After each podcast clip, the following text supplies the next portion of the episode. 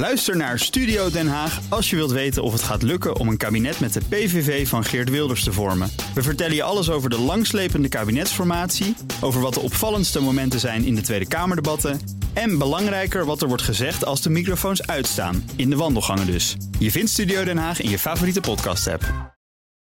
De column van Bernard Hammelburg. Zoiets macabers kun je niet verzinnen. In het New Yorkse Queens is een wijk die Corona heet. En in Corona heeft het coronavirus meedogenloos toegeslagen. 68% van de bevolking is eraan overleden of heeft de ziekte gehad. Een van de hoogste concentraties ter wereld. In de hel van corona wonen voornamelijk illegale Latino's. Ik kom het cijfer tegen op zoek naar antwoord op de vraag waarom het in New York, waar nog maar enkele maanden geleden de koelwagens voor de ziekenhuizen stonden om de lichamen af te voeren, nu juist zo goed gaat. Corona in Queens is een metafoor. In de arme, voornamelijk zwarte en bruine wijken zijn zoveel slachtoffers gevallen dat het virus daar goeddeels is uitgeraasd. In de meeste witte wijken was en is de schade al die maanden gering. Darwin krijgt weer gelijk, de sterkste overleven. Er zit een universele les in het verhaal van de wijk Corona. COVID-19 slaat onevenredig hard toe in migrantenwijken. In Amsterdam bijvoorbeeld in Nieuw-West en Zuidoost. Omdat ze daar de taal niet verstaan, omdat een huwelijksfeest in streng religieuze kring een zeldzaam moment van seksuele bevrijding is dat geen minister, BOA of agent begrijpt, laat staan kan tegenhouden. Rutte en de jongen houden hun verhaal wel met een dove tolk, maar een Nederlandstalige, geen Turkse, Ghanese of Marokkaanse.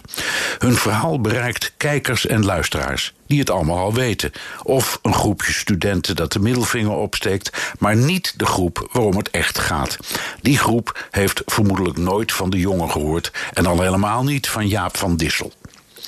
Je ziet het in Spanje, waar de ernstigst getroffen plek een migrantenwijk in Madrid is. En in België, en in Frankrijk, en in het Verenigd Koninkrijk, en in Israël. Bij bevolkingsgroepen waar de boodschap van ministers, virologen, ziekenhuisdirecteuren en parlementariërs simpelweg niet aankomt. Uitgesproken door een elite die hun taal niet spreekt of die ze niet zegt. Donald Trump en de New Yorkse gouverneur Andrew Cuomo werden ieder op hun eigen manier sterren met hun dagelijkse coronapersconferenties.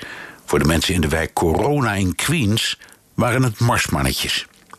Rutte en de jongen bereiken met hun persconferenties 6,5 miljoen kijkers. Nederland telt 14 miljoen volwassenen, waarvan dus 7,5 miljoen niet kijken.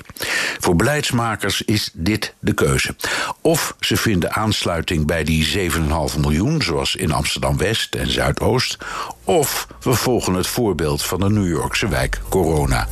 Voor de sterkste loopt het dan goed af, net als in New York.